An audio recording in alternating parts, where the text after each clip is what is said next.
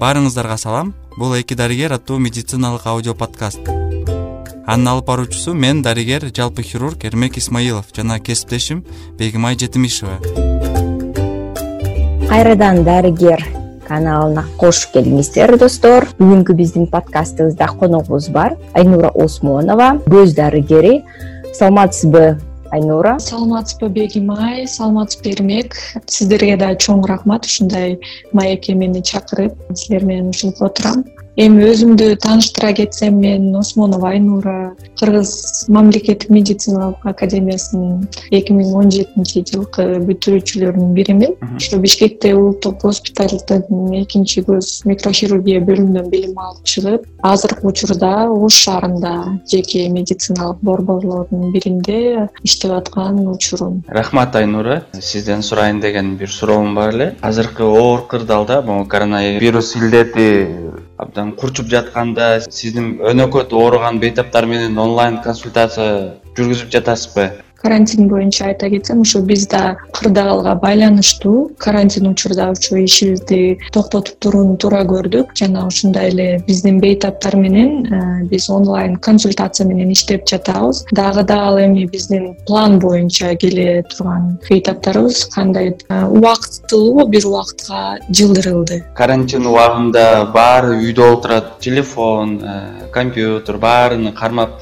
көзүнө дагы бир топ э, зыян келтирип жатса керек. Ошол боюнча сиздин кеңештериңиз ой пикирлериңизди айтып кете аласызбы? Ооба ушул карантин боюнча айта кетсем өзү бир гана дарыгерлер гана эмес өзү жалпы эле баардык элдерге маалым болгон эле ушу биздин ушу саламаттыкты сактоо министрлиги жана ушу дүйнөлүк саламаттыкты сактоо уюмунун көрсөтмөлөрү боюнча ушу биринчи ирет чараларды так аткарууну сунуштайт элем баардык баардык эле жарандарыбызга. Ошо айта кетсем ушу колду тез тез жууп самындап каражаттар менен колдонуп антисептик коебуз. Респиратордук белгилери бар адамдар менен өзү негизи эле тыгыз байланышта болуу керек. Жана ошондой эле жалпы эле адамдардан ушу кеминде болсо да бир ушу бир метрден аралыкты сакташ керекпиз. Ушу жөтөлүп чүчкүрүп атканда дагы ушул мурдубузду кол оозубузду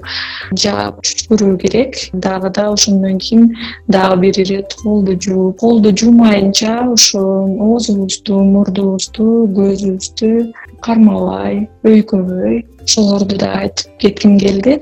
Үйдө отуруу азыр бул биздин милдетибиз катары көрүп атам ушул пандемия кырдаалга байланыштуу болуп атат да бул азыр учурда. Ушу эң негизгиси бул ар бир жарандын милдети. Ошо буга чейин айтып кеткен ушул дүйнөлүк саламаттыкты сактоо уюмунун көрсөтмөлөрүн так аткарып карантинге байланыштуу баарыбыз азыр үйдө отургандыктан биздин ушул билим берүү системасына да оор келип атат. Анткени азыр мектептеги окуучулар студенттер аларга кошулуп ушу мугалимдерибиз азыркы учурда ушу дистанциондук билим берүү системасына убактылуу өтүп азыр ошону менен иштеп аткан кездери. Албетте бул жоктон көрө жакшы бирок терс жактары дагы көп. Эми мен офтальмолог катары терс жактарын айта кетсем бул эң биринчи жана эң негизги проблема бул миопия деп коет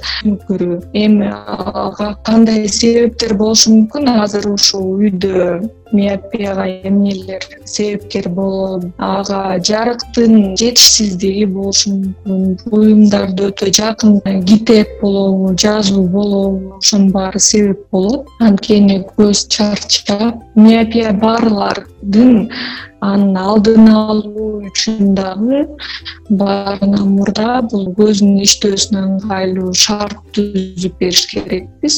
Көзгө күч келтирбеш үчүн эс алуунун режимдерин сакташыбыз керек. Окуучулар жазганда же окуганда ушул китепти көзүнөн бир отуз отуз беш сантиметр аралыкты кармап башын өтө эңкейтпей жана ошондой эле окуучу балдарга окуу же жазуу боюнча ушу кырк беш элүү мүнөттөн ашпаш керек. Жок дегенде ушу он мүнөттүк эс алуу зарыл айнура айтыңызчы сиз айтып атпайсызбы эгер э, буга чейин миопиясы болсо оор көтөрсө болбойт деп канча килограммдан болот уруксат берилет?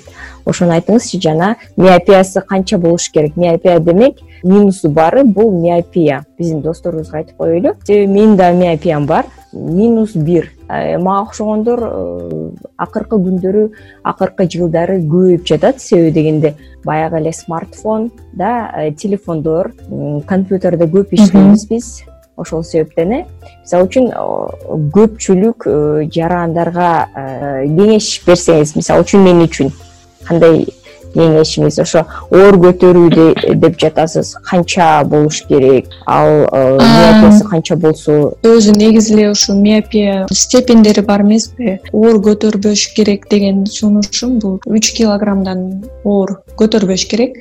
Жана да ушул азыркы учур азыркы кырдаалда биздин ушу карантинге байланыштуу баары үйдө телевизор аркылуу телефон аркылуу иштеп жаткан учуру ушул дагы да терс жактарын көрсөтүүдө. Бул эми дагы да ушул статистиканын көбөйүүсүнө ушу көзүм жетип турат. Миопиянын көбөйүшүнө. Эми менин сунуштарым бул үйдө деле отуруп көзгө эң жөнөкөй көнүгүүлөрдү жазса болот эртең менен же кечинде жасоону сунуштап кетет элем үч төрт көнүгүүнү айтып кетсем деле болот болуш керек э? Биринчи көнүгүү бул эки мүнөттүн ичинде тез жана оңой ачып жумуу көздү эки мүнөттүн ичинде бул кан айланууга жакшыртат. Кийинки көнүгүүбүз бул. Түз отуруп беш секунд көздү жумуп анан чоң кенен ачабыз. Бул көнүгүүнү сегиз он жолу да кайталап кабактын булчуңдарын чыңдайт кийинки көнүгүүбүз бул колубуздун үч манжасы менен үстүңкү кабагыбызды оңой басып бир эки секунд алып жана ушул көнүгүүнү эле төрт беш жолу кайталасак болот. Мындай айтканда массаж катары да бул көздүн ичиндеги ушул суюктуктун айлануусуна дагы пайдалуу бул эң негизги эң жөнөкөй көнүгүүлөр. Максималдуу амплитудада жогору жана жогоруну төмөндү карайбыз. Оң тарапты сол тарапты карайбыз. Буну дагы да бир төрт беш жолу кайталап кетсек болот. Кийинки көнүгүүнү айтып кетсем бул айлананы сааттын жебеси менен жебеси менен көзүбүз менен айланабыз. Тескерисинче айлантабыз. Көзүбүз менен ар кандай бир фигураларды тартышыбыз. Мүмкүн мисалы ушу ромбду тартабыз көз менен көз менен ушу төрт бурчтукту тартабыз. С образный форманы тартабыз. Биринчи өйдө жактан кийин ылдый жактан.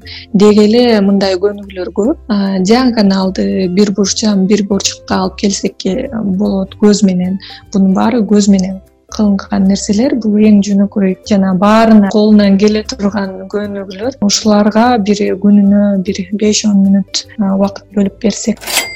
Рахмат айнура жообуңузга дагы бир суроом бар эле мисалы жана башында деле айтып кеттиңиз бирок толугураак дагы бир жооп алсам деген элем. Көздүн бузулуунун бир себеби бул светтин жакшы жетпегени деп айттыңыз. Демек бул жанагы кечинде телефонду светти өчүрүп э, караган учурлар ошолор кошулат да э? Ооба туура айтасыз бул светтин жетишсиздиги дагы ушулардын бир себеби болуп келет. Ошондуктан кечинде караңгыда ушул телефон телефон смартфондорубузду карабай эле коюшубуз керек да өзү негизичи кечке маал ушу окуучуларыбыз дагы окуганды жазганды жакшы көрүшөт бунун дагы терс жагы көп. Андыктан ушу биздин светильник болобу эмне болобу алдыбызга коюп алып анын дагы бир эрежеси бар. Ушул светильник койгондо ушу жазып аткан окуп аткан жерге бизге мындай көлөкөсүн алып келбеш керек. Ошол көлөкө дагы ушу бир кандайдыр бир ушул караңгыны алып келет да. Дагы экинчи бир суроом э, айнура. Көпчүлүк билгенде балдарынын баары эрте жаштан эле телефонду колуна берип жатышат да баягы эл абасын депчи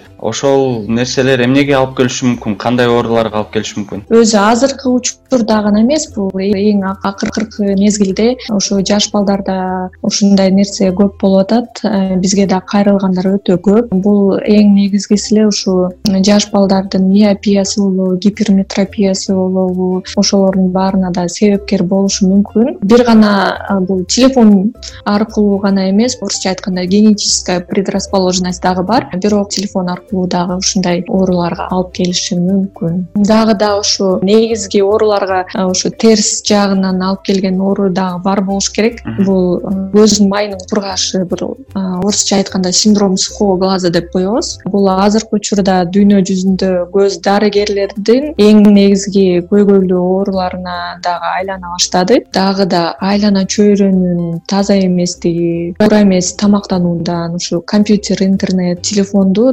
отуруудан жана ошондой эле телевизорду жакындан көрүп китеп көп окугандарда чалдыгат. Химикат менен иштегендер бул пар менен баягы ашпозчулар жана ошондой эле айдоочулар кабылышат. Бул дагы ооруда көздүн булчуңдары талып көзгө күч келет. Эми эң негизги ушу ушулардын баарына мен өйдө айтып кеткен сунуштарымды колдонсо жакшы. Витаминдерди сунуштайт элем. Кандай витаминдер мисалы? витаминдер жөнүндө айта кетсем бул а б с е витаминдери жана ошондой эле кальций цинк витаминдерин колдонууга сунуштайт элем. Эми бул дарыларды го биз дарыгердин көзөмөлүндө ичүү керек. Бул витаминдерди э, болсо биз ушу күнүмдүк жер жемиш жана тамактануубузда деле колдонсок болот. Витамин а бул өзү ушу көздүн торчосунун ушу ден соолугу үчүн маанилүү да.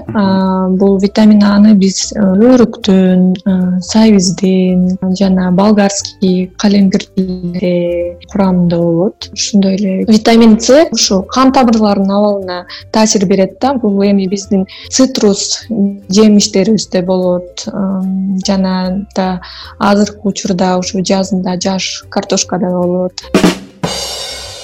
Витамин б группасы өзү ошо нерв клеткаларынын абалына жооп бере турган витаминдерибиз. Ошон үчүн бул дагы маанилүү. Жана дагы ушу көрүү органы менен ушу мээ кабыгынын ортосундагы байланышты дагы камсыз кыла турган витаминдер айта кетчү нерсе азыркы күндө ушу вирус ковид он тогуз жаңы түрү менен алып келген пандемия менен көрүшүүдө мезгилибиз болуп атпайбы эми бул күндөр да артта калат деген ишенимдемин айта кетсем ушу америкалык офтальмология академиясынын маалыматы боюнча акыркы маалыматтар боюнча кээ бир эсептөөлөр боюнча статистикалар дагы болуп чыккан. Коронавирустун жаңы чыгышы ушу конъюктивитти дагы жаратышы мүмкүн экен. Конъюктивитти айта ушу конъюктиванын тагыраак айтканда ушу көз жапкагынын ички чел кабыкчасынын сезгениши болот. Вирус бөлүкчөлөрүнүн дем алуу жолу же болбосо ушу конъюктивага чоң тамчылар тийгенде улам пайда болушу мүмкүн экен. Ошондуктан дагы